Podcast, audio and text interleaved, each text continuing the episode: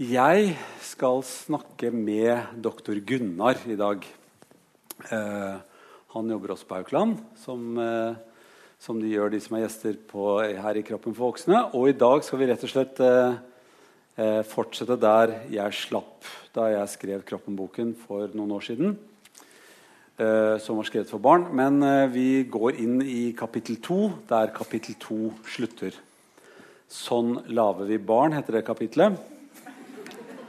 Og det ender med en befruktning som blir et barn. Eh, men det er befruktningen som er Der starter vi. Jeg Før dette, hvis vi skal begynne å, snakke sammen, så tenkte jeg skulle fortelle om da jeg var liten, så hadde jeg en veldig rar ting. Du sier hadde, Det var ikke jeg som hadde den, men bestefaren min hadde den. Det var en liten reklameting. Og det var kan dere tenke dere, en plastkopp sånn som man får vann i på sykehuset. Eller et annet sted hvor man ikke nødvendigvis bør være så syk. Og, og, da hang det liksom en slags tråd, en slags tanntråd, ut av den koppen. Og den koppen var det ikke noe oppi. Og så gjorde bestefar sånn at han tok på den tråden, og så tok han litt sånn med neglen, og så dro han nedover øh, den tråden. Og da kunne man høre, hvis man bøyde seg mot den lille koppen Da sa den 'Brukvære Bekum'.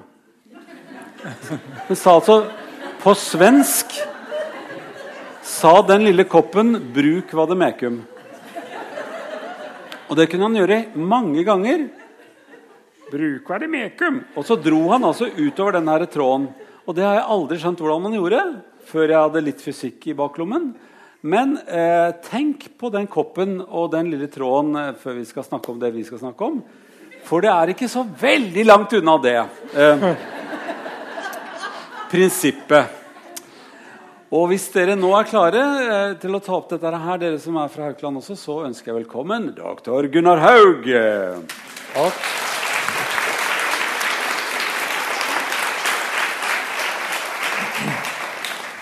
Du, dette er ikke lett materiale, det vi skal snakke om i dag.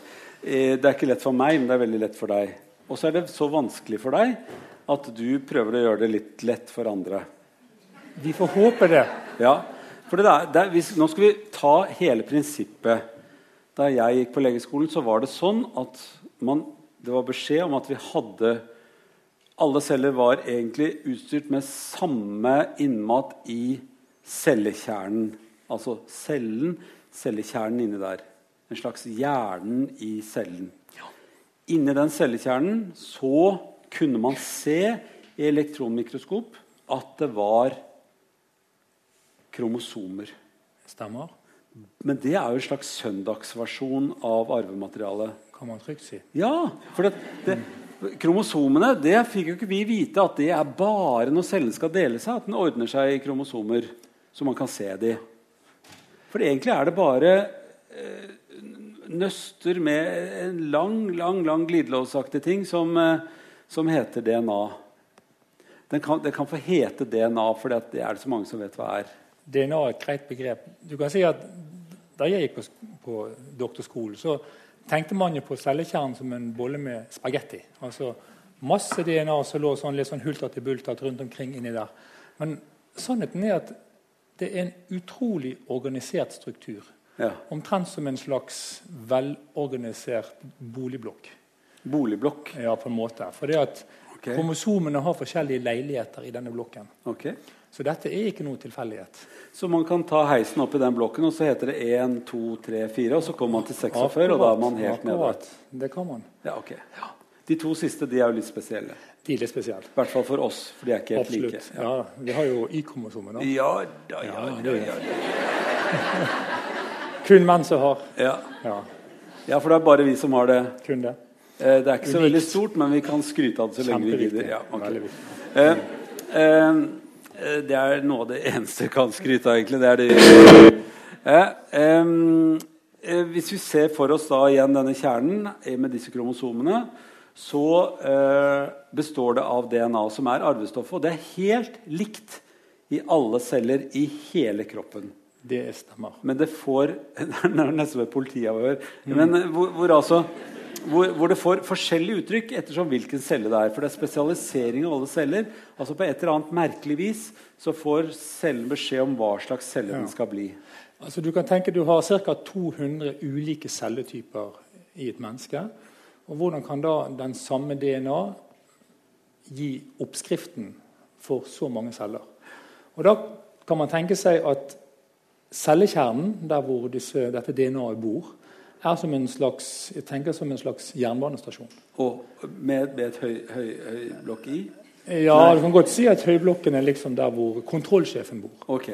Ja, altså Som Thomas Torg. ikke sant? Det kan ikke ha så mange ting ja. i hodet på en gang, ja, men det er eh, hvis, hvis, hvis dette DNA-et er eh, sjefen for noen ting, er det noen som er sjef over DNA-et? DNA, Mange tror jo at DNA er liksom bare gener. altså Gener er jo noe som folk gjerne har hørt om.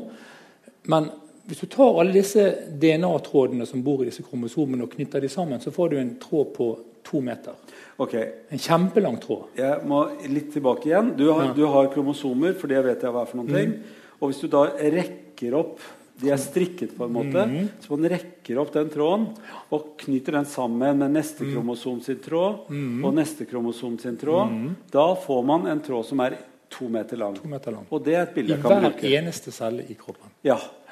Og da er det helt, Kjempetynn tråd. Altså, og helt lik tråd. Helt lik. Men det står jo for det meste masse babbel på den, gjør det ikke det? Hvis man eh, Altså Det meste som står på den tråden, forstår vi ingenting av. Nei. Men ca. 2% av den tråden, altså 2 cm, cm, er det vi kaller for gener. Og det, det er oppskrifter. Ja, det er oppskrifter. Så at altså 98% av den lange tråden står det en hel masse på som ingen vet hva er for noen ting. Mm. Men 2% av det vet vi hva er for noen ting. Det er opp, disse oppskriftene som er gener. ja. Ok. Så eh, hvordan klarer skjellen å bruke den tråden? Det som skjer, er jo at i hver eneste celle så bestemmes det hvilken gener som skal brukes. Så Noen gener de brukes i alle celler. Det er det vi kaller for husholdningsgener. Var det, det likte jeg veldig godt. Ja. Eh, Det er, det er melk og brød og sånn som cellen må ha for Ja, å overleve. oppvask og gulvvask og alt det der. Salo Ja. og alt. Ja, Ja, sånn. Ja. Ja. Og så har du noen spesialgener som bare skal brukes i en muskelcelle, eller bare skal brukes i en hjernecelle, Ja.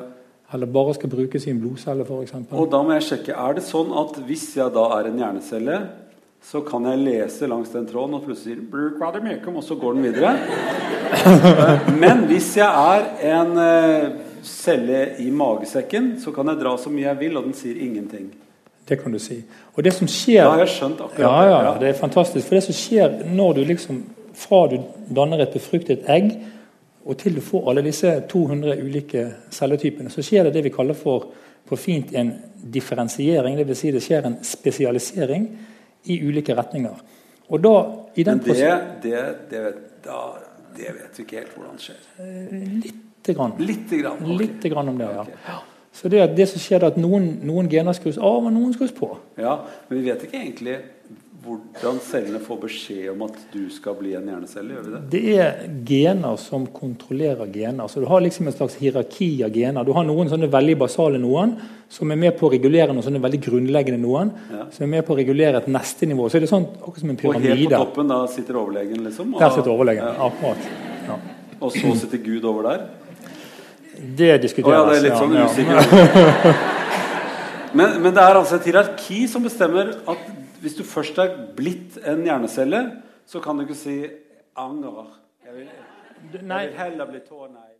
det, det trodde man inntil for ganske nylig at sånn var det. Ja. Men nå viser det seg at man er faktisk i stand til å ta la oss si, en celle fra huden og så fører den tilbake til en sånn eh, kan du si, stamcelle, som det kalles for, Ja. og så får den til å bli en hjernecelle. Kan man det? Ja. Så det vil si at eh, alt er mulig, sier du nå? Du åpner Nesten for, ja. alt. Ja, ikke alt er mulig, men Nei, men da Det- det en stamcelle og hjernecelle, men det kan ikke bli et helt menneske av det? kan Nei. det? Nei. Okay. det Hva skal man med én hjernecelle, sier jeg. Nei, jeg bruker veldig mange flere, altså. Bare her vi sitter nå, så fyrer det jo som et Ja. kjempeapparat. Eh, det, det, eh, nå vet jeg altså at hver celle leser av ulike sider av denne eh, kodesaken. Absolutt. Og, og det de har lest av, det bruker de i forskjellige, forskjellige celler. Riktig. Det brukes til å lage sånn hverdagslige ting, men så brukes det til å lage noen spesialting. Ja. Og dette eh, lages inni hver celle. Da, eh, da lager de proteiner, f.eks. Eh, altså, proteinet lages ikke i kjernen, det lages Nei, ikke utenfor. men Men, men celle er det Ja. sånn, ja. Absolutt. Ja, ja sånn det, det kommer eh, ut RNA, som det heter. Det, Ja. Skal vi forklare RNA med at DNA er en glidelås, Mm. og så er RNA liksom bare halve glidelåsen. Det er en sånn glidelåskopi, ja, men kopierer bare den halve. Ja, så den andre kopien fungerer også. Den fungerer ikke som eh, Den, den blir ødelagt. Du, Den blir ødelagt, du, du lager bare en, en kopi av eh, den, Du lager bare en kopi av den ene glidelåstråden. Ok, Man drar Mm. inn i kjernen, leser av eh, halve glidelåsen. Kanskje Mm. den åpner seg litt ulikt òg, da? Altså Det har veldig mye å si om glidelåsen er åpen eller lukket. For Ja, det at, selvfølgelig. ja, det er klart det er kjempeviktig. Ja. Det er jo det Man kan jo få barn hvis den er åpen. Ja. Ja. Så, så man, altså, man har lukket og åpen glidelås, men er den åpen hele veien da? Bare åpen? Nei, nei, nei. Så den Altså- deler av seg? Ja, ja, du, du, I noen celler så er glidelåsen åpen på noen partier, og andre partier er stengt. Mens i andre celler er det motsatt. Ja. Så det er veldig viktig. Så da går inn på den der glidelåsen, åpner den seg litt, og så leser man av et stykke som er interessant for produktet ditt. Og så tar du med deg den delen av den koden du har. Da kaller vi den RNA. Ja. Så går du ut av cellekjernen. Tøff, tøff, tøff, tøff, tøff ut. Tøff, ja. tøff ut. Omtrent som et tog. Ja, det er noen hull også, Ja, det er hull, en absolutt. tunnel. Og det er som jernbanespor som går ut av cellen. Å, så flott! Ja, da, Håper det ikke er noe ras der. og så kommer den ut i cellen, og ut i cellen, og da kommer den til proteinfabrikken. Ja. Og da kobler, leser koden, leser oppskriften, for den har den med seg fra kjernen. Og så sier den først tar du en sånn, så kobler du på en sånn, så kobler Ja. du på en sånn, og, så, og der er den ferdig. For da har du lest hele Ja. oppskriften, og så kobles den av. Og det finnes 20 forskjellige sånne. Ja. Ja. Så da leser den oppskrift, lager f.eks. amylasecellen. Kan, kan proteiner av ulike typer. Men amylase kan også lage. Kan? Amylase kan den lage, Ja, ja. Ja, og så bare dytter den det ut av cellen, og så har den vært en kjempeflink celle. Så det er prinsippet for er hvordan celler, celler produserer. Hvor, eh, spiller det noen rolle liksom hvilken eh, hva man eh, leser fremover eller bakover, eller så det, Noen ganger leser du den veien, noen ganger den veien. Ja. Det som er det fantastiske Litt sånn som meg. Noen ganger. ja, ja, det, det, det som er det rare, er jo at vi har ikke så mange gener. Nei. Vi har bare 21 000-22 000. Og det er altså mye mindre enn man trodde. For man tenkte jo at mennesker er jo veldig avansert. Du må jo ha masse gener i forhold til en, en bananflue f.eks. Eller Ja. en primitive dyr. Men vi har faktisk mange færre gener enn mange planter. Mm. Og det, det som er det unike for oss, er at vi bruker disse genene utrolig kreativt. Sånn at hvert gen danner mange forskjellige proteiner i gjennomsnitt. Å ja, så man kan sette de sammen på ulikt vis? Mm. Akkurat. Omtrent som du har et tog med ulike vogner, og de kan du liksom skifte om på disse vognene, sånn at du kan få mange forskjellige tog ut av ett togsett. Men det er jo nesten litt sånn som maten vi lager. Mm. Det blir jo veldig ulikt hvis man tar smør først og melk oppi det, og det høres helt galt ut, ikke sant? Og så sukker og kanskje litt mel og kardemomme. Da blir jo det noe annet, hvis, eller om man blander det om med, med litt annen oppskrift. Det, kan bli kanelboller, eller det kan bli hvitsaus. Ja, men tenk på liksom. alt det kreative du kan lage. Ja. Altså Husk på det at det menneskelige arveanlegg er forbausende ustabilt. Det høres ikke bra ut. Nei, det høres ikke bra ut. I forhold til mange andre dyr så, er, så skjer det mye nytt hver eneste gang vi får barn. Ja. Altså mange forandringer som foreldrene ikke har. Og denne ustabiliteten er nok antagelig noe av det som har drevet utviklingen av mennesket. Som mennesker. Ja. Uh, det vil si at vi, vi har med oss ganske mye som ligner på Altså Vi har jo det meste av genmaterialet er ganske likt. Det meste er likt. Men så er det liksom kjørt inn en eller annen spesialvariant et eller annet sted. Ja. Du har, altså, I gjennomsnitt så har du 70 forandringer i arveanlegget som foreldrene ikke har. Og ikke vet om. Og ikke vet om. Nei. ja, sånn at, gjør eh, ting som ikke mor og far Så far Hver gang man får barn, så skyter man med hagl på arveanlegget, og så skjer det en del forandringer. De fleste merker man ingenting til, men så av og til så Hvor kommer den haglen inn i bildet? ja, det er, Den hagl det er faktisk det å, å danne kjønnsceller. Det er en sånn prosess som er forbundet med en viss feilrisiko.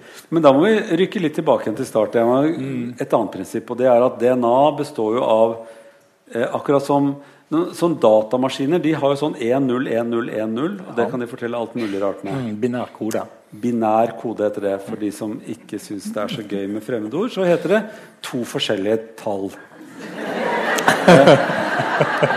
og så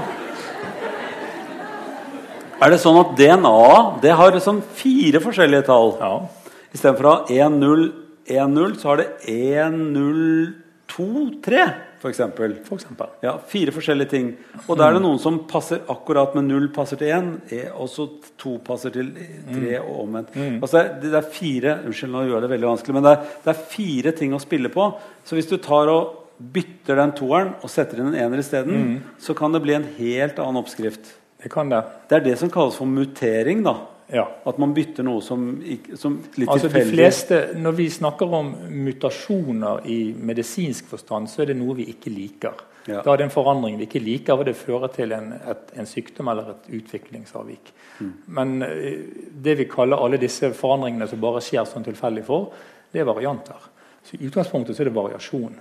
Så alle mennesker har massevis av varianter i arveanlegget som de ikke deler med noen Men andre. hele den lange DNA-strengen Den har jo da 98% som man ikke vet hva det står for noen ting. Hvis det skjer forandringer der, så skjer det heller ikke noe Det kan skje noe, for det disse 98 det er ikke bare sånn det, det de kalte for junk DNA før. Sånn boss. Er det noen som har kalt det for junk? Absolutt. DNA? Det er å disse DNA, ja, syns det er skikkelig. Men, det het det før. men, men, men eh, det står noe der også. Det står f.eks. sånn Dette er en beskjed til hvis du skal lage amylase, og da kan du begynne å lese nå. Ja. Og så lese amylase. Og nå er du ferdig med å lese oppskriften for amylase. Her har jeg tenkt å ta meg en pause, her står det ingenting. Her er en beskjed hvis du er en hjernecelle, så det gjelder ikke Et deg. godt, Og så videre. et, et godt eksempel på hva som ligger i disse 98% det er jo dette her at vi, den hvite rase, kan drikke melk som voksne. Det er faktisk bestemt av en sånn lite område langt unna det genet som er nødvendig for å bryte ned melk, melkesukker. Ja, amylase og dets like. Altså Dets like, ja. Ja. ja. ja. Eh, Men eh, Så det ligger altså Så, så disse 98% brukes til å regulere de 2% som er gener. Akkurat. Mm. Og vi, 98 eh, de, de, Alt det der er som vi ikke vet at vi bruker, det kan vi jo ha fått fra veldig mange rare steder. Jeg har lest at det kan være virus som er med å bytte Ja. ting. Og, og, Altså Nesten halvparten av arveanlegget vårt er virusrester. virusrester. Det syns jeg heller ikke hørtes så veldig bra ut. Virusrester. rester, ja. Ja. Og de kan faktisk reaktiveres noen ganger. De ligger der og ulmer, liksom. Men du har et veldig godt kontrollapparat som holder de i sjakk. Ja, men hvorfor, Vi kan jo bruke det til noe bra, kan vi ikke det? da? Man har jo prøvd å bruke virus i genterapi, f.eks. Ja. Det er jo virus man fører inn. Men litt samme prinsipp. Inkorporeres i DNA og bli værende der. Men altså, det, det jeg tenkte å bruke det til, var at alt er liksom lavet Altså hvis vi da Vi vet jo ikke hvor vi kom, hvordan vi kom til på en måte i dette Big Bang-aktige tingen. Men det har jo funnet opp et eller annet da, et system som da også virusene og bakteriene og alle de andre dyrene har. Det er jo samme systemet. Ja. Og de, vi har jo masse bakterier og virus som vi har inni oss hele tiden. Ja. Og mye av det har jo også tilgang på, på cellene våre. Når du var litt hes i dag, så ha, har du hatt en del virus inni deg som ja. kanskje har vært på besøk og gjort noen ting med slimcellene Altså, vi lever jo i, i kan du si, i en verden full av uh, smittestoffer. Både virus og bakterier. Og det som er interessant er at Mange av de arvelige sykdommene vi har i dag, er nok antagelig en konsekvens av disse smittestoffene, sånn som tuberkulose og det, Vi har visse genvarianter som antagelig har beskyttet oss mot disse sykdommene som tidligere var en, eh, et kjempeproblem. Ja. Jeg liker å kalle mange av disse her for noen venner vi har inni. Jeg tenker Ja. at det, det er noen vi samarbeider med. Mye av tarmbakteriene lærte vi forrige gang, er jo veldig veldig gode venner. Fantastisk. Ja, De gjør fryktelig mye av jobben Ja som vi ikke klarer å gjøre selv. Og hvis det er noen virus som da går inn og, og lager sånne små beskjeder eh, om hvordan vi skal Så vil jeg ikke kalle det for junk from eh, virus. Ja. Altså.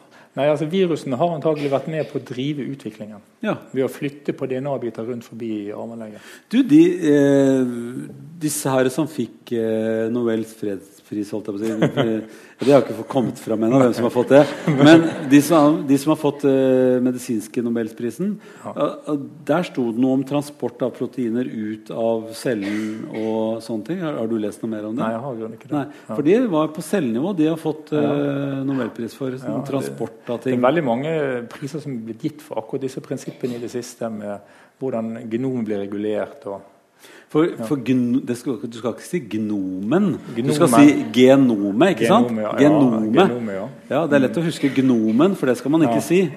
Nei, Man skal si genome. genomet. Ja, det, er, det betyr rett og slett alt arvestoffet. Hele denne lange strengen. Hele to, to, to, to meteren. Ja, hele Mm. to meter. Ok. Um, og genet, det kaller vi biter av det som, er, som har en annen funksjon. Ja. Så har en oppskrift. Jeg syns vi har kommet ganske langt Mm. til å forklare hvordan det er på innsiden. Eh, det er jo også sånn at Man arver noe fra mor og noe fra far, og så skjønte vi nå at det var noe som skjedde innimellom der som var litt sånn tilfeldig. Men hvis vi tar de tingene man har fra mor og far, så har man altså på en måte én del av glidelåsen fra mor og en del av glidelåsen fra far? Eller? Nei, Nja, man har en, en hel glidelås. Bit. En hel glidelås, faktisk. En hel Så du får en to meter lang glidelås fra mor og en to meter lang glidelås fra far. Og så hva gjør vi med de, da? Så du har egentlig to kopier av alle gener. Du har ett sett fra mor, ett sett fra far. Men har du, er begge de to i produksjon? eh, Stort sett Ja. er det det. Så, er det, så de slås på av litt, og de påvirker Ja. hverandre? De kan påvirke hverandre, men de reguleres liksom Du har to gener, og mange gener mange, mange tilfeller så betyr det ingenting om man liksom ødelegger ett av de genene, og så har man bare ett igjen.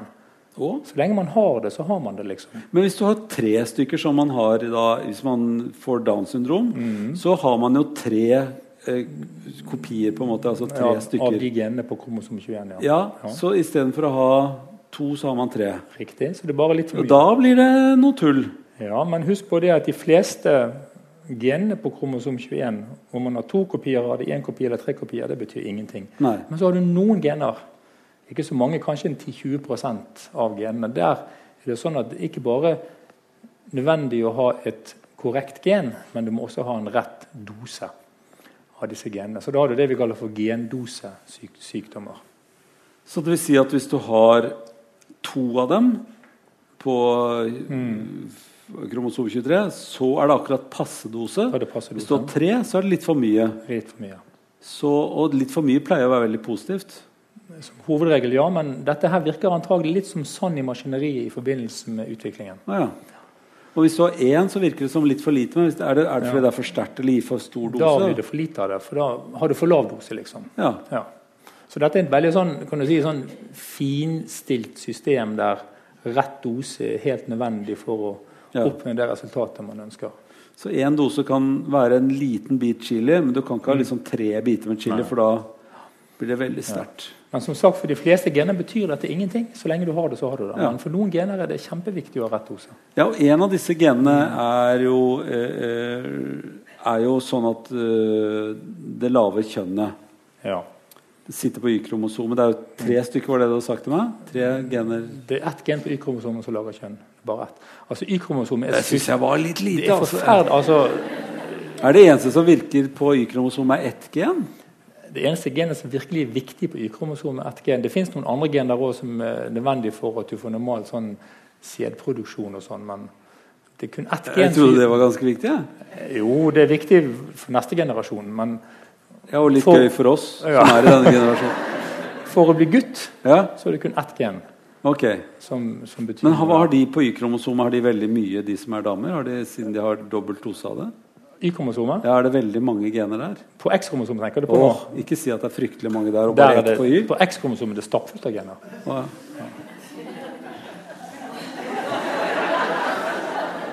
Og Y-kromosomet ett. Ett viktig. Ja, et Og så har du noen sånne uviktige gener i tillegg. da. Ja. Eh, men eh, dette Y-kromosomet ja, det, eh, det var da veldig trangt å komme seg ut herfra, men eh, Kanskje det går fint? Ja, det gjør det. Så når man har eh, et Y-kromosom, så, så blir det en mann. Hvordan, hvordan skjer det? Det som skjer, er at det ene genet på Y-kromosomet skrur på et annet gen. Og det andre genet det befinner seg da i det som kommer til å bli testikler. Ja. Men det er ikke testikler på dette tidspunktet, for da er det bare noe som kan bli både testikler og eggstokker. Dette er veldig tidlig i fosterutviklingen. Og får du testikler pga. at Y-kromosomet skrur på dette andre genet, så får du kjønnshormonet testosteron. Og det påvirker hele kroppen. Men det har jo damer også har jo testosteron. Mye lavere nivå i fosterlivet. Jo, jo, jo, men ja. de har jo et eller her, annet. her snakker vi om mye testosteron. Ja, ja, jeg har Ja. kjent det. Ja, skikkelig. Eh, men er, er, er det Er, er det eh, at man eh, at, at det slår på gonadene til å bli altså mannegonader? Eller, Mannegonader, ja. ja. Eller mannetestikler? Ja, og så får du testosteron, og så Ja. får du guttefasong på kjønnsorganene. Og Ja. så får du antagelig... Det var en søt måte å si det på. Ja. Og så får du antagelig Så skjer det noe med hjernen nå, antagelig. ja for eh, hva er det som skjer med hjernen? Det er det ingen som helt vet, men det skjer noe. Altså, man, man ser Jeg har inntrykk av at veldig mange damer vet hva det er for noe. For de forteller alltid hvor, hva, det er, hva det er vi gjør. Ja, de forteller hva det er som egentlig skjer med oss. Men, men eh, vi har tyngre hjerne enn det damer ja, har. vi har litt større hjerne. Bitte litt. Ja, men Det er ikke sikkert det er så mye smartere, men det er, Nei, nei, det er litt større. Det, det Litt stort og tungt. Ja, Ja. litt større ja. Og så større kropp. Større kropp, og det henger ofte sammen med hjernestørrelse. Men du kan si at du har også en del andre forskjeller på, på mannehjerner og damehjerner. For eksempel, damer har mange flere forbindelser mellom de to hjernehalvdelene enn menn har. Og det er jo kanskje tegn på at de kommuniserer bedre. Ja. Eller, eller er det bare støy? Masse støy? Ja, det kan også være. Ja. Ja. Men de kommuniserer mer mellom høyre og venstre hjernehalvdel? Ja. Mens hva, vi, det tar vi på at vi, når vi først kommuniserer mellom høyre og hjernehalvdel, da er det viktig, tenker vi. Ja. ja, for det er noe man ikke vet her. Det, er, Det er masse man ikke vet. ja, Virkelig. det var det jeg var litt ute etter. Dette, her, er- dette her er for det meste ukjent eh, territorium, men det er kjønnsforskjeller. Er det, er det sånn også at For det står så mye nå at eh, menn er flinkere i matte, og damer er, er mer empatisk mm. utviklet, eller Ja. Altså, gru, gruppene menn og kvinner, Ja. der tror jeg nok det er klare forskjeller. Altså, menn er jo litt, Jeg jobber jo med autisme, det er mitt på en måte forskningsfelt. da. Ja. Og jeg sier ofte at menn, Er menn, menn oftere autistiske? menn er i utgangspunktet litt autistiske. Ja. Ja. Jeg vil også kalle det en av, venn. Av natur. Så eh, Ja, litt Autisme betyr jo også konsentrert, gjør det ikke det? Jo, det, Ja. det, du kan si at det kan være alt fra en veldig god egenskap til å bli et kjempeproblem. Ja. Mens kvinner er jo bedre på sånn multitasking. Ja. De det. Det kan jo også Ja. bli et problem. Det kan nok bli et problem, ja. Ja, nå lodde det ikke så veldig godt. jeg. Men, eh, så det er, det er noen forskjeller som kommer med dette Y-kromosomet. Fordi at det, det setter i gang noen andre gener. Ja. Så det er rett og slett det kommer en nøkkel med Y-kromosomet som må låser opp noe som Mm. Ikke damer kan låse opp. Man har jo lenge lurt på hva er det egentlig denne kjønnsforskjellen Hva er det for noe egentlig? Er det mer enn det å danne testikler og testosteron? Og disse genene som regulerer kjønn, de er også høyt uttrykt i hjernen. Akkurat de samme genene. Det er høyt. Altså de er skrudd på hjernen. Ja. Så der, der er de også aktive. Så det er litt sånn at vi har beina mellom hodet også, holdt jeg på å si. Ja, noe gjør de. Et av disse genene, det, det er liksom nøkkelgenet for å danne testikler. Ja. Det er også med på å regulere antall nerveceller i hjernen. Men jeg vet én ting du sa sånn på gutterommet når vi snakket om dette her for en stund siden. Det var at dame, hvis du ikke gjør noen ting, så blir det dame. Defaulten. Det er defaulten. Ja. Så bare sitter helt stille, ja, så blir det dame. stemmer det. Det er mye vanskeligere å få en mann. Ja. Ja. ja. Og det blir mye vanskeligere hvis man får en mann, skulle du også sagt, kanskje. Så eh, nå, har vi, nå har vi kommet litt over på, på det som vi er her for. Fordi, ikke bare for å forklare hvordan det fungerer, men også fordi at noe av dette lager jo sykdom. Og ny kunnskap gjør det litt vanskelig at vi vet noe som vi kanskje ikke kan bruke til noen ting, eller som vi kanskje må være litt forsiktige med hvordan vi bruker. Ja. Eh, eh, en, et tydelig gen som lager sykdom, som vi ikke kan få gjort noen ting med, er jo eh, Huntingtons Eller Ja. det som heter setesdalsrykkja på norsk. gjør det ikke det? Det Ja. beskrevet, En av de første beskrivelsene av sykdommen kommer fra Setesdal. Ja, Derfor heter det rykkjabar der oppe. Ja, Risha. De får, dette er en sykdom som er helt forferdelig, Ja. med ufrivillige bevegelser og etter hvert tap av, eh, av eh, intellekt og personlighet. Og død. Altså du dør til slutt Ja. Av denne genfeilen. ja. Og denne, det er sånn at Hvis du har fått denne genfeilen, så blir du syk. Ja, Foreløpig kan man ikke gjøre noe med det, Nei, og vet ikke hva man kan gjøre med det. Og det er en grusom uts Ja, en forferdelig sykdom. sykdom. Ja.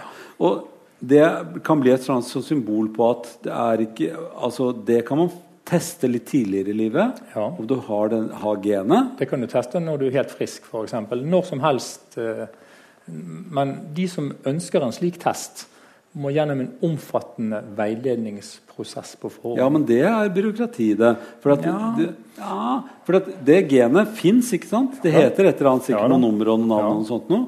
Og så, hvis man nå vil, så kan man sende inn eh, arvematerialet sitt, eller ta en celleprøve, Mm. og sende til Amerika. Og så kan man få tilbake en beskjed om om man har det genet. Kan man ikke det? I prinsippet er det mulig, ja. Ja, akkurat som man kan kjøpe en avis i en kiosk Ja. for tiden. Sånn at man kan faktisk Denne kunnskapen er det mulig å skaffe seg. Ja. Men det vil jo ikke folk. De som da er friske og unge, og kanskje har dette i familien. For det går jo i en familie. Det er, et, det er Det er ca. 2000 personer i risikosonen i Norge for å ha arvet dette. risikosonen ca. 2000. Cirka 2000. Ja, det er ganske mye. Ganske mange, og de har da 50% risiko, eller 25 Litt avhengig av hvor, langt, hvor fjernt de er slekt med den som er syk. Ok, Men poenget er at dette kan du finne ut om du har som gen, som kan føre til sykdom. Ja, Du kan få et, det vi kaller for et ja-nei-svar på det spørsmålet. Ja. Og det betyr at med det ja-nei-svaret så vet du 50% ja eller 25% ja, alt ettersom Nei, det er enten, enten Ja, om du blir enten, syk, er det Enten ja eller nei. Men Men du blir, blir, blir alle syke som har det? De blir syk hvis du eh, ikke dør av en ulykke før du rekker å bli syk. For å si det sånn. Så Ja. hvis du lever lenge nok, så blir du syk. Jeg ser jo for meg som kreativ person veldig masse kriminalromaner eh, ut fra et sånt konsept. Ja, altså at man kan, bruke, man kan bli selvmordsbomber likevel fordi at jeg har Ja. bare liksom så Ja. mange år igjen. Så det er, det er som jeg kan gjøre, gjøre det til noe smart. Jeg kan lage Ja. noe forferdelig. Det, har- det, har, det har heldigvis ikke skjedd. da, Men, Nei, nei, selvfølgelig ikke foreløpig. Mm. Men eh, og det, Nå har jeg spredd den ideen allerede.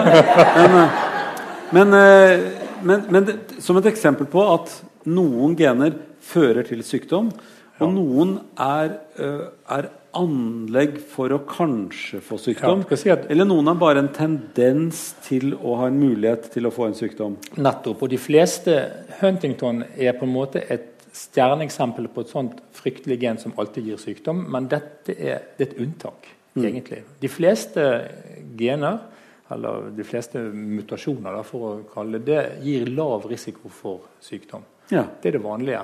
Så man blir ikke så veldig syk, men man blir litt syk. Egentlig så blir man sannsynligvis ikke syk i det hele tatt. Eller bare Ja. sånn syk som vi kaller frisk.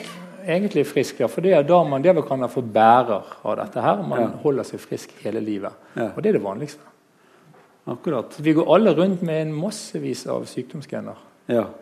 som vi ikke vet om, heldigvis. Så det er sånn det er, det er, det er På en måte så, så får jo de som er hypokondere, rett. Absolutt. Ja. Altså, Genetikk er intet fag for hypokondere. Nei.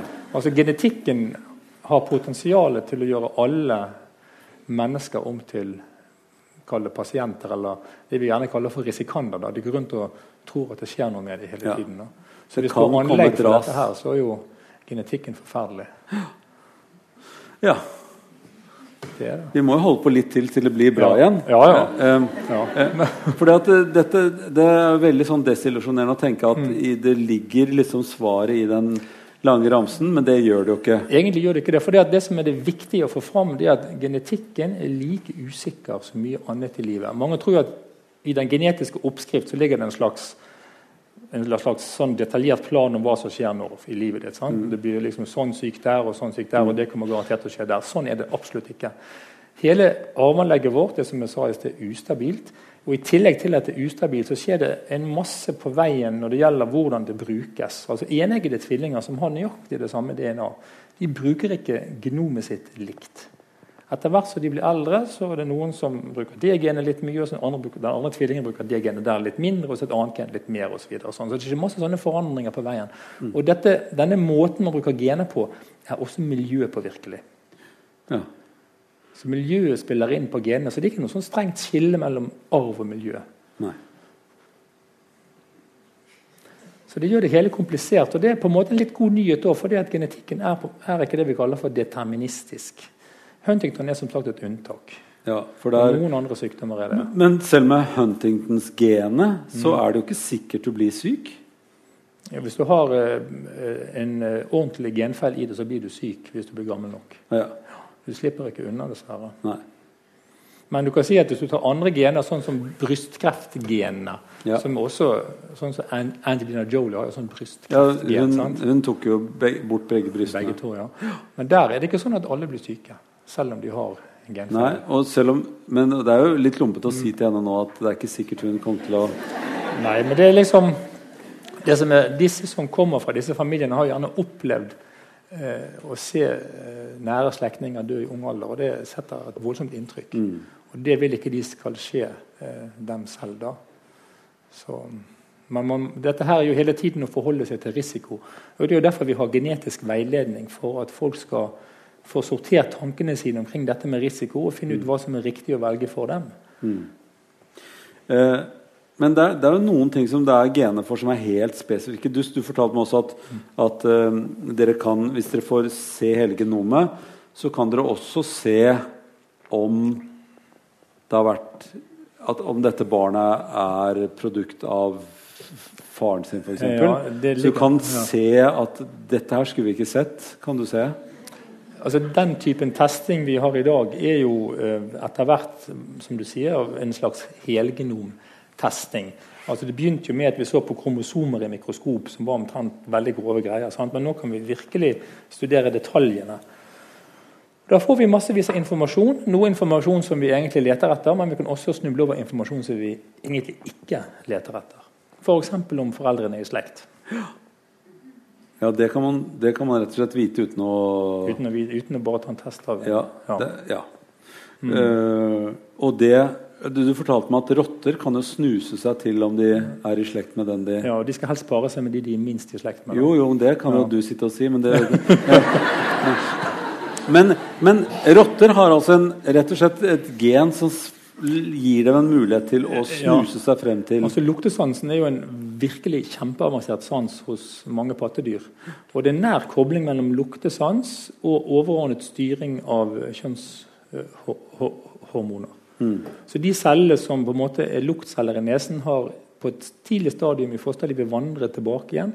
Og så har de overordnet styring av uh, kjønnshormonene våre. Det vil si at de blir ikke så kåte at folk de er litt i slekt med? Nei.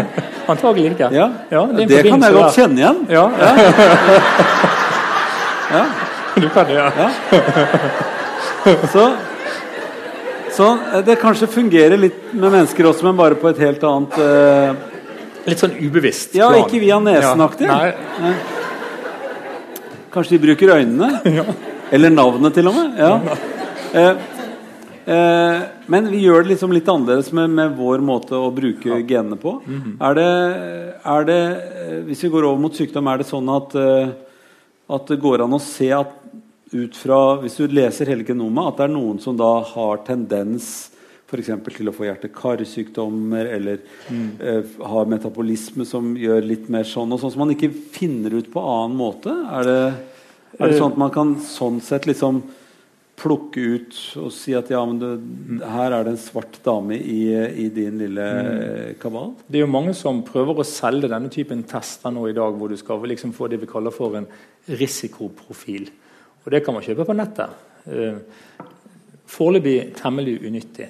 Mm. For det at disse, de tingene de tester, gir så lav risiko for den sykdommen at For enkeltindividet betyr det absolutt ingenting. Det blir omtrent som å, å ha en stor klokke. Tar du et bitte lite tannhjul og studerer det tannhjulet og ser at det mangler en tagg, og så tror du at du liksom kan forutsi hva som skjer et helt annet sted med den klokken, hvor alle tannhjulene egentlig spiller sammen.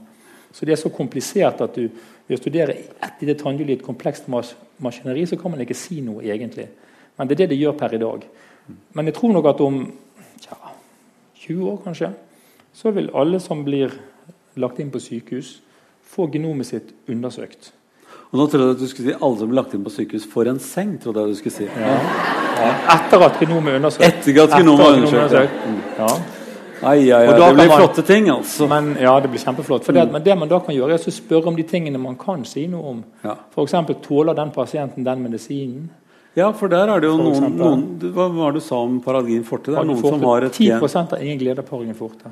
En gang til. 10% av Ingen glede av det. For de kunne like så godt hatt Paracet. Det er 10% av befolkningen som ikke har noe glede av den medisinen, for de har ikke noe mot- mottakerapparat for det. Altså Kodeinet, som er en smertestillende komponent i Paragen forte, må Mm. omdannes til morfin for å virke. Og de mangler evnen til å omdanne kodein til morfin. Sånn at de ville egentlig bare hatt det bra med å blåse på. Ja, du har jo også Paracet i Paragin forte. da. Jo, jo. Og Paraceten virker, men det, da kan Jo, du ikke liksom kjøpe Paracet Men så mye folk tygger Paracet, så er det ikke sikkert det er noe sterkt nok. Så eh, Så det er, en sånn, eh, det er en sånn genetisk egenskap at man ikke kan omsette. jeg har én ting med min datter som at når det blir omtrent sånn som nå ute, litt kaldere, at det blir rødt noen blader på et tre som går opp, opp i kleiven der hvor vi er, så lukter det noe spesielt av det treet. Det er en duft som er veldig sånn søtlig, og, og det lager liksom et bilde av at det har jeg gått der og luktet sammen med datteren min. Det påstår min kone at hun kan lukte, men det kan hun ikke. Hun sier 'nå lukter det litt av treet', sier jeg. Nei, det gjør det ikke. Og min datter har den, den Det kan hun lukte. Hun kan lukte det. Og det kan jeg også gjøre. Ja. Og det med, det med, altså igjen så kan du si luktesansen, som er vår mest primitive sans med direkte Nå sa du primitivt. Jeg er likte ikke det heller. Den er veldig primitiv. Ja, den er Ja. enkel sak, altså. Ja, det går, cellene går bare rett opp i hjernen. Det det. går rett, går rett, rett forbindelse. Det er ikke noe filtrering av informasjon i det hele tatt. Nei. Og vi har Og noen rotter, visste du det? De blir Ja. mye kåtere av, av mus de ikke har sett før. Ja. ja. Men Noen rotter de ikke har sett før, skulle jeg sagt. av, av disse 22 000 genene så har ca. 1000 bare med lukt å gjøre. Ja. 1000 har med lukt å Ja, det er masse. Så, så, selv hos mennesker, altså. Ja. Så vi har, det er veldig avansert. Så det høres ikke så rart ut at jeg og min datter kan lukte Nei. det, og ikke kona mi. Det er ikke rart i det hele tatt. Så det at luktesansen den er veldig genetisk. Mm. Det finnes jo til og med de som ikke kan lukte i det hele tatt som en genetisk egenskap. Da. Det er veldig ubehagelig, fordi de har ingen glede av, av Men de vet jo ikke at det er ubehagelig. For så vidt ikke, men de skjønner jo at, hvorfor, at de skjønner ikke forskjell på god og dårlig mat. egentlig, fordi at lukten er en så viktig del av smaksopplevelsen. Mm. Men det er jo Da kan de det bare ikke likevel. Det er jo sånn, De som er fargeblinde, de tror det er sånn det skal Ja, se ut. de tror verden ser sånn ut. Ja. Før jeg fikk briller, så trodde jeg den skulle være så uklar. Det var det samme her. Alt, alt var bare tåke. Ja, det var det. Og der skulle jeg lære meg å gjette bokstaver og alt mulig. Men jeg kom nå gjennom det. I hvert fall kom jeg hit. Em, hva syns du som genetiker at det er nyttig å bruke den kunnskapen vi har om genmaterialet til? Jeg syns det er nyttig å bruke det diagnostisk. Og husk på det at når det gjelder genetisk sykdom, så tror jo kanskje mange at det er noe sjeldne greier. Men faktum er at 6% av vår befolkning rammes av en genetisk sykdom, enten idet de blir født eller i løpet av livet. Så genetiske sykdommer er faktisk hyppig. Så det gjelder en stor gruppe mennesker. Men det som er problemet er at de fleste er så fryktelig sjeldne. Det er mange tusen genetiske sykdommer.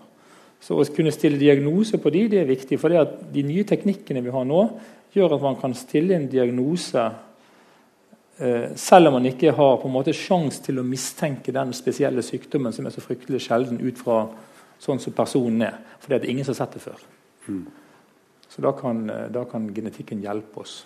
Men se for deg at en gang i fremtiden så kan du få all informasjon fra hele genomet lagt inn på datamaskinen. Og så sier du til datamaskinen sjekk den, den, den, den, den, den og den tingen. Ja. Og hvis du får ja på noe av det, så må jeg få en liten samtale med dem. Det kan tenkes, ja. Det kan tenkes at det skjer. Fordi at da vil, Mm. Du kan liksom sjekke de stedene hvor du vet at hvis de har noe der, sammen med noe der, Ja, så problem. så kan det bli et problem. Ja. Eller da kan problemet være genetisk. Ja, det er helt Så, riktig. sånne, sånne genetiske sykdommer som du steller med, er jo, Mm. er jo veldig mye eh, eh, retardasjoner, altså eh, Utviklingshemming. på en eller annen måte. Ja. Ja. Ikke bare, Husk på det at genetiske sykdommer er jo en kjempesekk, men en god del av det har med utviklingshemming å gjøre. Ja, Mm. for du sier at det meste av det du stiller med, er jo Utviklingshemming. den utviklingshemmingen. Ja.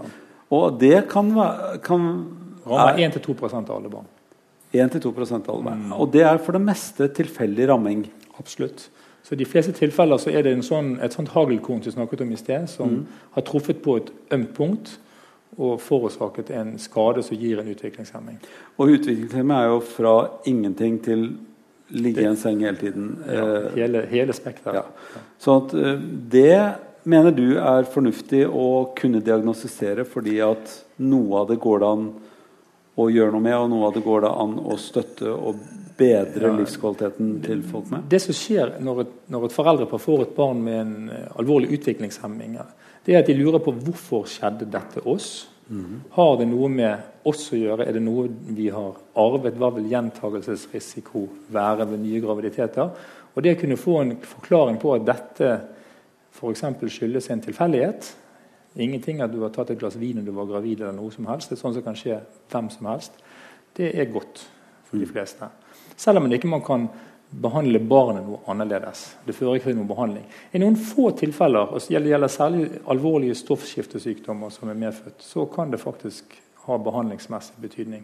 Sånn at man kan lindre de plagene som barnet har. Og er det, no, er det noen steder hvor man kan ta hensyn til at man har det og det genomet man har, og ta forhåndsregler på en eller annen måte i livet for å, for å ikke gjøre livet vanskeligere enn det allikevel blir? Noen foreldre som har, Det er noen foreldre hvor dette er arvelig. altså Hvor det kan si at mor har en genfeil, og far har en genfeil i akkurat samme gen. Og hvis de to genfeilene kommer sammen hos et barn, som risikoen er 25% så går det ikke bra. Og I de tilfellene hvor ting er arvelig, så kan man jo av og til tilby fosterdiagnostikk. Ja, men da er det fordi at man skal ta abort? Det vil være fordi man skal ta abort, ja. Ja, fordi at da vil du unngå Mm. Du vil ikke at det skal skje igjen. Nei. Men, og det, dette er jo et kjempevanskelig filosofisk dilemma. Både å ha muligheten til og få vite. Det er det. Og det, det er også, et, eh, også hvor, måte, hvor skal terskelen gå? Eh, når du har et barn som er veldig utviklingshemmet, så er det liksom ikke så veldig vanskelig. Men så har du jo noen tilfeller hvor det ikke er snakk om egentlig utviklingshemming, men lærevansker. Og skal det også være, for det, det er ikke noen regulering av dette her egentlig. Men lærevansker Nå begynner det å grense over i Mm, normaliteten. Absolutt. på en måte. Absolutt. Mm. Hvor jeg er innenfor. Ja. Ja. Eh, eh, Så dette, dette er jo blant de store si, etiske eh, problemene som fins. For i dagens samfunn så er jo på en måte jakten på det perfekte har blitt en sånn Og det er noe som er veldig vanskelig, fordi det fins ikke, egentlig. Og det er viktig å vite at det normale er at vi har en masse genetisk variasjon alle sammen. Det er umulig å unngå det. Nazistene hadde jo en tanke på at de skulle utrydde genetisk sykdom. det hadde veldig mange rare teorier. Men det er bare vitenskapelig sett totalt tøv. Ja. For det at, som, som jeg sa i sted, Mesteparten av genetisk sykdom er nyoppstått. Det er et stadig tilfang av varianter. Men Jeg tror Hvis du hadde sagt det til dem, så hadde de ikke hørt på deg Ja, likevel. det Så, var du helt rett. Rett ja. så, eh, men men du, jeg ser også for meg da en mulighet for at Nå sa du at en kan ha en feil der, og hun, han kan ha feil der, og hun kan ha feil der. Og hvis de får barn, så er det stor sannsynlighet for at de to genene kan treffe hverandre. Ja, hvis det er feil i samme gen. da. Ja. Ja. Mm. Eh, men igjen skal man plutselig da ha genomet sitt klart når man skal Bli kjæreste med noen? Nei, altså det, har jo, det er jo også et, et, et sånt tilbud på Internett. Hvis man går inn der, så kan man liksom få genomet sitt sjekket. Det er blitt en big business. Det er faktisk noen steder hvor liksom man kan gå til sånn Jeg kunne tenke meg sånn, sånn, sånn bod nede på Torgallmenningen mm. med å sjekke om folk passer sammen og sånn, og sånn krystallkule der. Mm. Men for å være litt seriøs, så problemet er hvis du bare hadde tatt og undersøkt alle dine gener, mm. så ville vi funnet 200 varianter i ulike gener som aldri er sett før. Som jeg aldri har sett før? Ingen har sett dem før. Nei, Som er mine mutasjoner? Ja, Om de mutasjoner det vet vi ikke. Det er varianter. Ja. Noen av de er kanskje mutasjoner, men det vet vi heller ingenting om. Men kanskje de er på den delen av 98% tullball? Det ser man ikke etter foreløpig. For den, de 98% tullball som ikke er tullball, Nei. de er det veldig sjelden man undersøker. Men, men bare, du, du, du, mener ikke at det er 100 uh, ordentlige beskjeder hele veien, gjør du det? På det genomet? Nei, nei, nei, nei, det er noe som er bare tullball. Ja, det er det? Ja, det er det. Ja, Disse virusgreiene er stort sett tullball. Ja, det er bare noe sånn ja. la, la, what does the fuck say? Ho, ho, så. Det er masse tull der òg. Ja, ja. Det er mye som antagelig bare må til for å få liksom, denne høyblokken til å passe sammen i strukturen. Ja, ja. Så det er både litt oppskrift for hvordan ja. gjør vi det egentlig, og litt tradisjoner. Og litt tradisjon og litt struktur og litt Ja, litt sånn. Ja. Og rare det er litt sånn Her er det blankt, her kan du skrive hva du vil, og tegne en fin tegning, og så går vi videre. Så det er veldig mye rart der. Ja, utrolig mye. Og kanskje noe av dette ikke er i bruk for tiden, som, eh, som var mer i bruk i de voldelige delene av historien, f.eks. Eh, sånn, ja. Jeg tror det er noen genomer jeg ikke bruker så mye. F.eks. kløyving med øks. Ja. altså Kløyving av skalle med øks tror jeg ikke er så mye bruk i min familie lenger. Det tror jeg var brukt før. da Det var det jo. Ja. Husker, ja. Så det er, jeg tenker det er, det er, en masse ting som man kan teste på, som man kanskje ikke har noe glede av å få testet i det hele tatt. Det, det, eneste naturen måler, er evnen til å overleve. Og Hvis kløyving av skalle med øks var en sånn overlevingsgen den mm. gangen, så nå er det kanskje Twitter-genet som kommer til å Ja, ja. Som slår, slår seg til. Ja. Mm. Ja, eller fnisegenet, f.eks. Ja. Det, det, kan du slå til. Eh, så, så eh, sånn som jeg forstår det, så er, eh, er det muligheter for å se en struktur nå mm. som man ikke kunne se for en stund siden. Absolutt. Og nå blir det billigere og billigere å få den ja. oppskriften. Billigst i Kina, hvis du er interessert. Ja, men det, ja. det er så langt å dra dit. Ja, men du bare sender DNA til Hongkong, så går det rett inn. Mm. Og sitter en liten luring der og, og Passer på. Ja. Det koster bare noen tusenlapper. det. Men da får jeg altså en ramse med, med beskjeder? Tre milliarder bok bokstaver. Ja, Og mm. hva skal jeg bruke det til? Julepresang. Ja. Mm. Det er jo det som noen har gjort nå, bruker gitt det i julepresang. faktisk. Ja. Ja. Men altså, du kan ikke bruke det til noe som helst. Nei, jeg kan ikke nei, det. Nei. Du kan ikke det. Fordi at, og vi kan heller ikke bruke det til noe som helst. Nei. Fordi at det mesteparten av denne koden skjønner vi bare ikke. Så foreløpig kan vi ikke bruke den til noen ting. Men vil du anbefale meg å legge igjen genomet mitt eh, på bunn under madrassen f.eks.? Ja. Så de kan hente det senere, de som jeg er slekt med? Mm. Ja, nei, ikke dem. De må ikke slippe inn i det hele tatt. Men altså, eh, barnebarna mine, kan de ha glede av det? De det er har... noen som tenker sånn. At ja. de avgir altså Noen ganger så er det en eller annen som har en syk tenker ok, de vet ikke per i dag hva denne sykdommen jeg kommer til å dø av om eh, et halvt år, er for noe. Men jeg legger i hvert fall igjen en blodprøve, så kanskje de kan finne ut av det i framtiden. Mm. Uh, har du noe tro på at uh, forskning på dette området kan vise oss en eller annen måte å reparere noen genetiske sykdommer på? Mm. Altså at man kan bruke noe for å enten mm. å si, si, til, si, til, de som leser av dette genet mm. inni en celle Hopp over denne her, for her er det noe gærent. Mm. Gå videre. Her kan heller åpne den der, der for deg, så kan du ta og lese det isteden. De, de jobber faktisk intenst med det nettopp nå. Altså måter å reparere gener på. Fordi at Disse genene er jo kompliserte strukturer, og noen ganger går det an å lure genet til å lage en litt kortere versjon av seg selv. Sånn at du lager noe som virker ganske bra, men ikke fullt så bra som det naturlige genet. da. Oh, ja. Ja, det kan du så... faktisk få til ved å sprøyte inn sånne små DNA-biter i blodåren. Og Disse DNA-bitene de finner seg fram til det genet, og så driver de og regulerer hvordan genet på en måte blir skjøttet sammen. Får vi håpe, høres det ut som du sier samtidig? Ja, vi får egentlig håpe det. For her snakker vi veldig mye om, om f.eks. muskelsykdommer hos små barn som har en dødelig utgang uten behandling. Men da vil man da ønske å få det genet bli, bli sånn at det produserer et stoff som det kanskje produserer feil nå. Og så produserer det et ikke så veldig bra stoff, men det er 75% potent. eller noe sånt. Nettopp. nettopp. Sånn at du, du kan få en bedre funksjon. Ja, og for eksempel På Huntington for å nevne det igjen, så er det masse forskning som pågår for å for Huntington man har jo ett normalt gen som man har fått fra en av foreldrene, og så har man et gen som har en feil fra den andre foreldrene. Sånn. Hvis man hadde klart å så slå ut det genet med en feil, sånn at kun det andre genet var aktivt, så ville man kurere Huntington. Så du kanskje får en, en lavere dose av noe som er bra. Det betyr ingenting ved Huntington hvis du mister det ene genet, så er du frisk. Så Det som virker forstyrrende ved Huntington, det er ikke det at det, er, det, det genet som har en feil, produserer noe som virker som et giftstoff inni cellen. Så Hvis man hadde klart å skru av det genet som har denne feilen, sånn at ikke dette giftstoffet blir produsert, så ville man faktisk kurert Huntington. Og Det er ikke umulig at man klarer det, for det, er visse forskjeller på sykdomsgenet og det friske genet. Og Det kan man utnytte for å prøve å hemme bare syk, sykdomsgenet. Jeg ville foreslå at man puttet inn noe sånn, sånn raskt lim. Jeg har hatt sånn mellom så fingrene mine. Lyn, lynlim, da. Lynlim, ja. ja. så limte igjen den DNA-tråden. Ja. måte, den glidelåsen. Akkurat der, så Hvis ikke man klarte å Ja. åpne den i det hele tatt. Ja. Ja, ja. Hadde ikke det vært Jo, nei, altså noe sånt. Det er det man faktisk Det, det, er, ikke, det er ikke bare tull. Altså, Jo, det er bare tull, men det, men Ja, men altså- ja. dette jobber man ganske intenst med å prøve å få til. ja.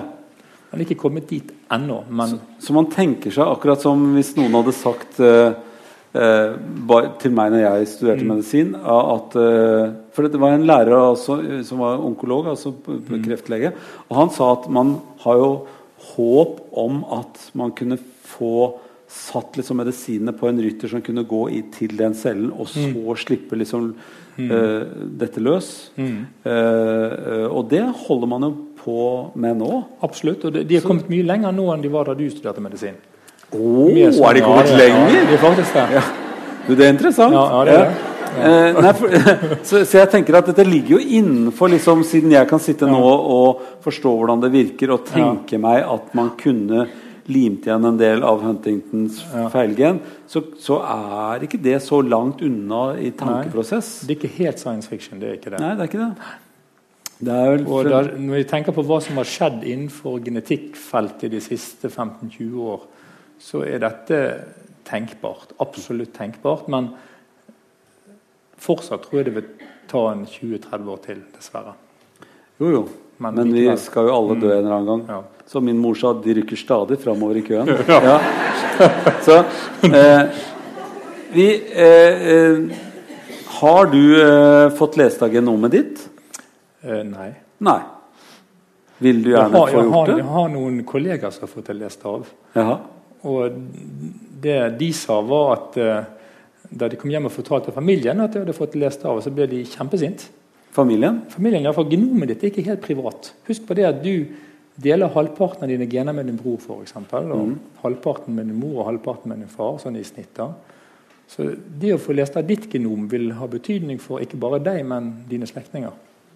Ja, ba, både barna oppover og, og, både Ja. oppover Hvis, og på treet. fant, la oss si, hvis du fant ut at du hadde en variant i et eller annet kreftgen, så kan det godt tenkes at uh, da må en av dine foreldre ha samme variant antagelig, og dine barn har 50 risiko hver, hver av de for å ha samme variant. Så det, genom er ikke helt privat. Nei. Så du føler da at hvis du får vite hvordan genomet er, så, så får du vite noe annet samtidig? Du kan uh, Om noen andre som du er i Eh, slekt med? på Ja. Du vil ikke vite noe om noen andre, men de, du vil vite om de andres risiko Mm. for ulike ting. Og da litt avhengig av hvor godt familien fungerer og Så videre, og sånn, da, om dette her er Så det Genetikk, Medisinsk genetikk er jo et familiefag. Altså Vi har familiejournaler. Vi har ikke enkeltpasientjournaler. Mm. Det er jo litt spesielt. da. Mange bruker jo heller tiden til å snakke sammen om det og finner ut nesten det samme. Ja. Ja. Ja. Så, men men man, man går altså inn i selve resepten på, på det mennesket du er. Mm. Eh, ser du at dette kan misbrukes av noen industrielle ting, eller altså av Det kan det absolutt. Altså, hvis, Hvor, uten å være for konspiratorisk, det litt, Ja. ligger det inne en mulighet for å utnytte Informasjon. Ja. det gjør det. Genetisk informasjon har et potensial til å bli utnyttet. og Spesielt hvis du på en måte har helgenominformasjon om én person. Sånn at du vet alle variantene som den personen har. altså Kombinasjonen av gener. Da kan du bruke det. altså Forsikringsselskap kunne tenkes å utnytte det. Og andre kunne tenkes å utnytte det. Selv om frykten muligens er overdrevet, så er det et potensial der. Men er det, for å dra det helt i litteraturens verden, som vi er et litteraturhus likevel, eh, ser du muligheten for å kunne konstruere et menneskegenom ved å ta en bit av og klippe Sånn type Jurassic Ju- Park-menneske, tenker du? Nei, jeg tenkte ikke, eh, ikke, et, ikke et dyr, men Nei, eh, men altså man kunne ta biter sammen, da. Ja, ta si, si at eh, Som puslespill. Eh, Nå gjelder ikke det, da, men at jeg sier at du er fin på håret, jeg er fin på håret, og så tar vi Åh, ja. Men hvis du var fin på håret, eller var ja. finere på håret enn meg, da, og så kunne man liksom putte to dette, sånne mennesker sammen som eh, ja, De har jo hatt dette designer baby-konseptet i USA Ja. en stund. da, Hvor de prøver å på nettet selge ut at kan, du kan velge fra denne sædbanken ulike egenskaper og hva Ja. som passer sammen med deg. Du sånn. kan ikke ta litt av den sæden og litt av den sæden og klippe det nei, opp det og kan, sånn. nei, det kan ikke det. Nei. Nei. Men det, altså, det er bare tull, Da. Ja, det er bare Det er bare, tull. det er bare tull. Men i fremtiden så sier Vi har jo sagt mye at det er bare tull som ikke blir bare tull. Altså kan man konstruere en sånn eh, En person ut fra et genom? Tror du? Kan man ta Nei. så og så mange gener derfra så og så mange gener derfra og dytte det sammen? Altså, for å ta det enkle, da, som er ikke enkelt i det hele tatt, det er å klone. klone. Det man har klart å klone, er jo veldig primitive dyr. Sauen Dolly, som de fleste har hørt om, som var en klonet sau, den var jo veldig syk. Det var ingen suksess sånn rent uh, dyremessig sett. Men kjøttmessig da var det suksess? Heller ingen suksess. Nei, okay. Nei. Så det at vi klarer ikke å forbedre naturen Naturen har et ekstremt komplisert forløp fra den befruktede celle til det ferdige mennesket. Og det klarer vi liksom ikke å få til. Og jeg har jo allerede skiftet alle cellene i kroppen min siden jeg ble født. Ja. Jeg har vel ingen igjen, har jeg det? Men Kanskje noen få hjerneceller. Å, er du sikker Ja, på det? ja. Ja, kanskje. Ja, kanskje det er noen kanskje. få igjen. Men det er kanskje akkurat de jeg har byttet ut, de du tenkte på. det er mulig. Ja, det, you never know. Jeg syns at dette er, dette er utrolig spennende. Vi kan jo fortsette å tenke langs disse banene. Eh, både i forhold til eh, Bør man ta hensyn til sin genetiske tilstand ved å få vite masse ting som man da så skal, Du bør ikke spise mer fett, for da kommer det til å gå så og så galt med deg med disse sykdommene. Og du kan bare spise sukker, eller som mine barn sier at ja, de trodde sikkert at de kunne spise så mye godteri de ville, for det kommer ikke til å uh, føre til noen dårlige tenner hos dem. Altså, ta en, ta en gentest for å vite hva du Ja. er, på en måte er, står opp imot i livet. Ja. Ja. Så, så, har, jeg liksom begynt å røyke, ta en gentest. Og si, ja, det går helt fint. Ja. For du kommer ikke til å dø av dette. her det. Du er sånn som ikke dør av, av, røyking. Jeg tror altså Per i dag, og jeg tror også det samme vil gjelde om ti år, så er det totalt unyttig. Totalt unyttig. unyttig ja. det, det eneste det oppnår, det er å skape en massevis av engstelse som du ikke har bruk for. Ja, det er totalt unyttig. Ja. For det meste engstelse er jo helt unyttig. Helt unyttig. Det er noe ikke. engstelse som er litt bra. Ja, litt er jo det. For som- litt sånn sommerfugl i magen før man Ja. skal sitte her og snakke, Ja. eksempel. Det er fint. ja, det er fint. Men utover det så er det unyttig. Nei, det at, og Grunnen til at jeg sier dette, er at som sagt, disse Nå har vi veldig liten kunnskap om dette, men selv når vi får mye kunnskap om dette, så er det et konglomerat av varianter i ulike gener som virker sammen for å gi en risiko. Og Pluss at du har alle disse tilfeldighetene.